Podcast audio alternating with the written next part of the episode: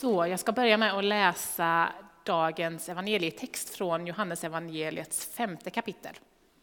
Och för att få upp den på väggen så blev det från folkbibeln, om ni inte känner igen orden riktigt lika bra som ni brukar.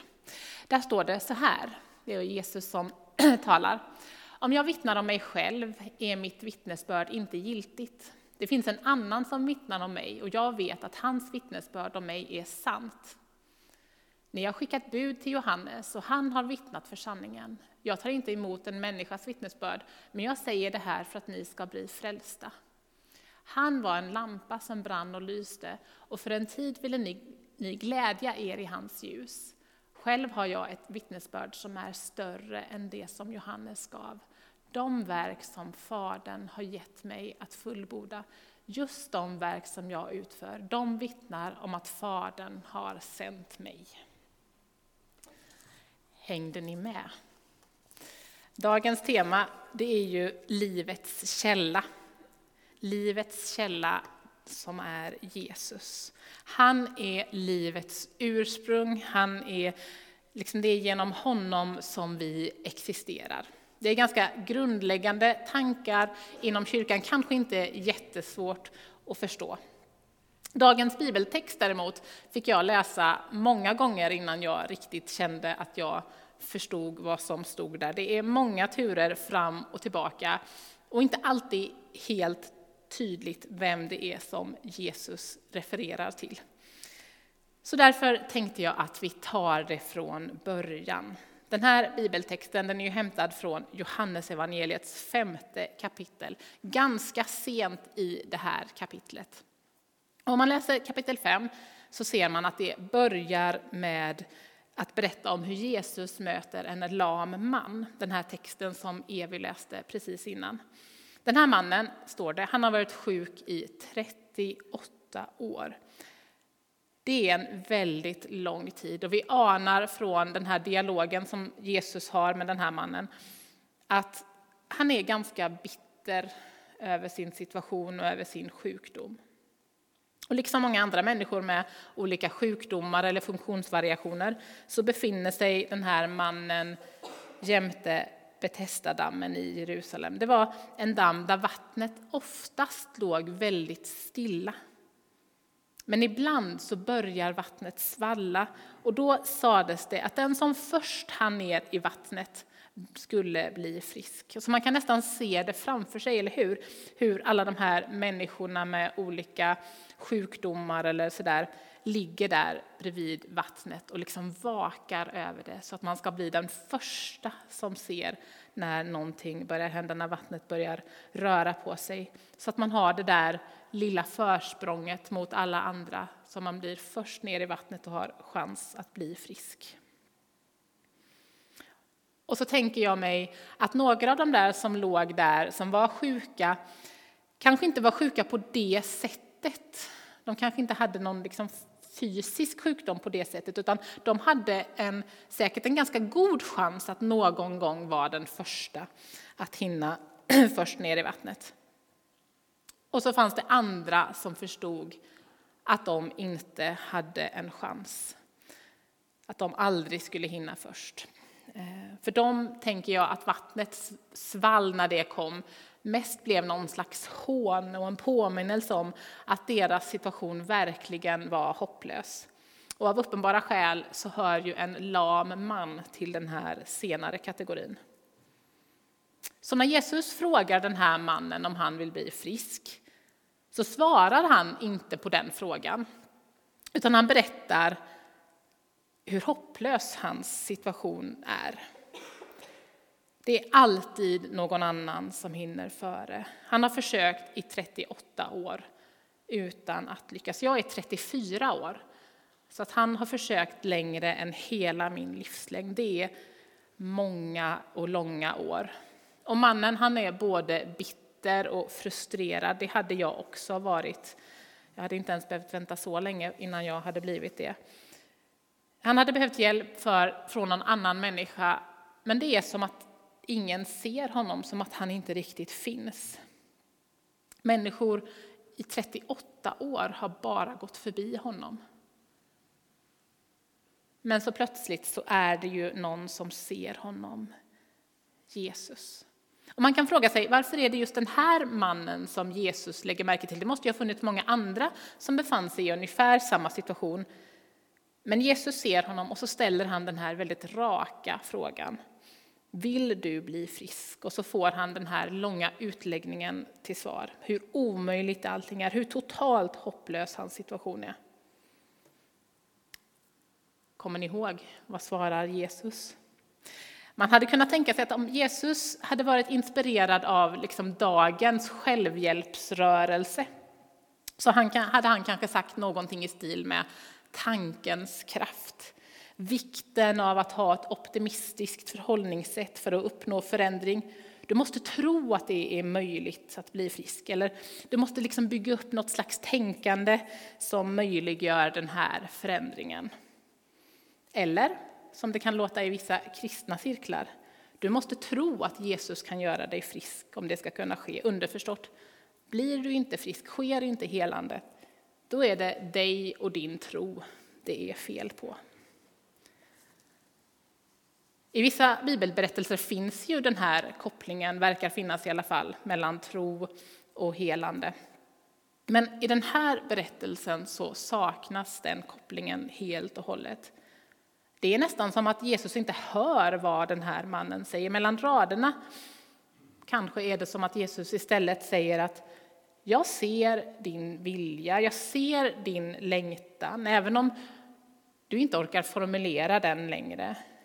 Det omöjliga, ditt problem har blivit så stort att det liksom har tagit makten över hela ditt liv. Men jag kan göra dig frisk oberoende av vad du säger, oberoende av vad du tror eller inte tror.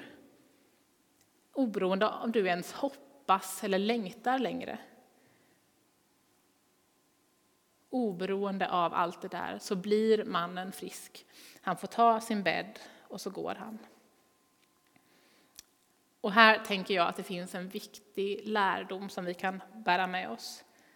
Vi får inte göra Gud så liten att vi tror att vi kan begränsa honom med våra tankar eller vår tro eller otro. Jesus är verkligen allsmäktig.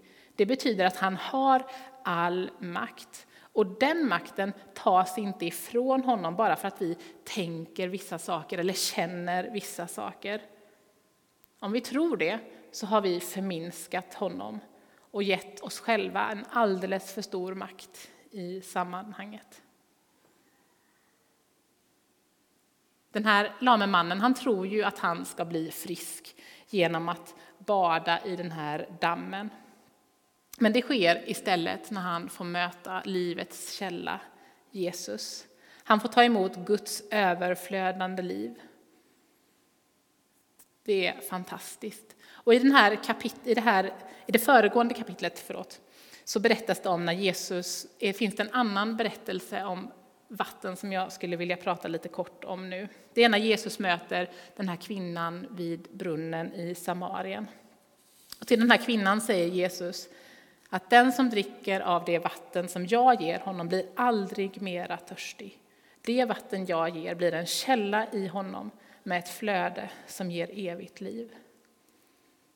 Om man läser den här texten på grekiska, kanske inte är så många av oss som kan det, inte ens jag som läste grekiska ett helt år kan så mycket. Men det står i alla fall om man översätter den här meningen lite mer ordagrant än vad man gör i dagens bibelöversättningar så här. Den som dricker av vattnet som jag ger ska aldrig, nej aldrig bli törstig igen.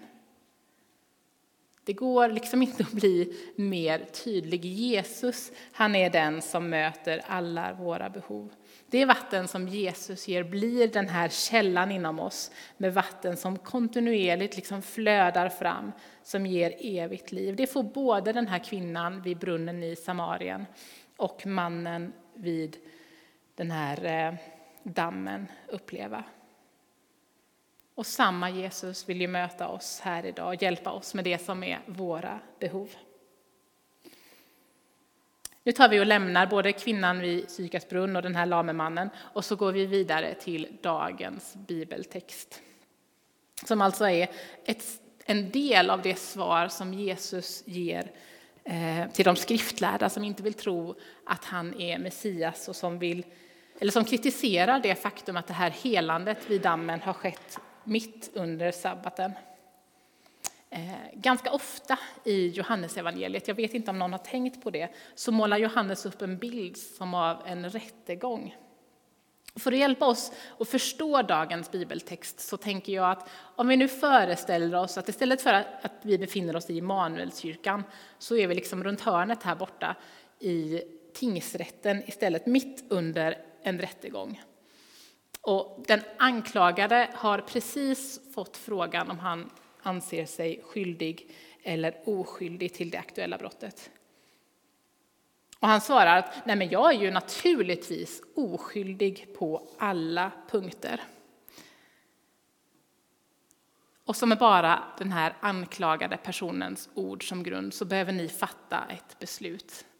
Är han skyldig eller är han oskyldig? Jag tänker att det kanske nästan inte hade spelat så stor roll hur mycket tyngd den anklagade hade lagt bakom sina ord. Så är det ändå många av oss här, tror jag, som hade liksom lite grann ryckt på axlarna och tänkt, klart att han säger så. Det är ju han som är anklagad, klart att han tycker att han är oskyldig. För att verkligen bevisa att man är oskyldig så behöver man ju eh, vittnen eller bevis, människor eller saker som liksom backar upp den egna historien. Och likadant var det ju såklart under antiken när den här berättelsen utspelar sig. I den judiska lagen står det uttryckligen att det var förbjudet att vittna till fördel för sig själv. Skulle man vittna så var det bara till fördel för någon annan. I den här berättelsen är det ju inte helt uppenbart vilket brott Jesus står anklagad för. Bevisen som Jesus hänvisar till det handlar inte bara om att han har brutit mot sabbatsbudet genom att hela den här lame mannen. Det är som att den här liksom berättelsen växer och den kommer att handla om mer än bara den här enskilda händelsen. Ja, oavsett så konstaterar Jesus ju i alla fall att om jag vittnar om mig är mitt vittnesbörd inte giltigt, helt i enhet med den judiska lagen. Istället så hänvisar han till Johannes döparen som ett oberoende vittne. Jesus beskriver hur Johannes kom för att vittna om ljuset. Han var som en lampa som brann och lyste, som hänförde människor. Kanske så till den grad och att de i sin glädje och iver över att det fanns en profet bland dem inte var beredda att se, inte kunde förstå det som var Johannes viktigaste poäng, nämligen att Johannes var ju aldrig poängen. Han var bara den som pekade mot poängen, alltså Jesus. Så vad finns det för andra vittnen kan man fråga sig? Jo, Fadern. Men hur vittnar Gud om att Jesus är hans son? genom Jesu handlingar. För de verk som Fadern har gett mig i uppdrag att fullborda, just de som jag utför, vittnar om att Fadern har sänt mig. För Sonen kan inte göra någonting av sig själv, utan bara det han ser Fadern göra. Vad Fadern gör, det gör också Sonen. Människorna som fanns runt Jesus när han gjorde alla de här fantastiska sakerna, de hade bevisen mitt framför ögonen på sig. Och de, liksom vi idag, behöver fatta ett beslut. Vi behöver fälla något slags avgörande. Var Jesus verkligen Guds son? Var han mer än en vanlig människa? Ja, jag tror ju att han var det. Och tror du som jag så uppstår ju frågan, vad får det för konsekvens i ditt liv och i mitt liv? Och som avslutning på den här predikan så vill jag skicka med oss allihopa två utmaningar. Om några veckor så börjar den kristna fastan inför påsken. Att fasta det är ett sätt att liksom reflektera över sin relation till Jesus. Då vill jag ställa två frågor. Finns det något i ditt liv som distraherar dig från Jesus? Eller finns det någonting som du behöver lägga till för att växa närmare honom? Den första utmaningen som jag vill skicka med den här predikan, det är att ta de här två frågorna och fastan på allvar och fundera på hur kan jag växa närmare Jesus det här året, de kommande månaderna. Den andra utmaningen har att göra med den här lame mannen som har legat i 38 år jämte den här dammen utan att någon annan människa har sett honom eller uppmärksammat honom. Så vill jag fråga dig, vem finns i din närhet som Gud vill lägga på ditt hjärta, som kanske ingen annan ser, som andra människor bara går förbi, men som Gud vill att du uppmärksammar? Nu har ni fått flera frågor att fundera kring. Och ni kan göra det kanske medan vi sjunger den här nästa sång och över resten av dagen och veckan kanske. Två bra utmaningar att ta med sig från den här gudstjänsten. Men nu ska vi sjunga och vi sjunger psalm 96. Och sen ska vi få fira nattvard tillsammans. Den texten kommer upp på väggen bakom mig.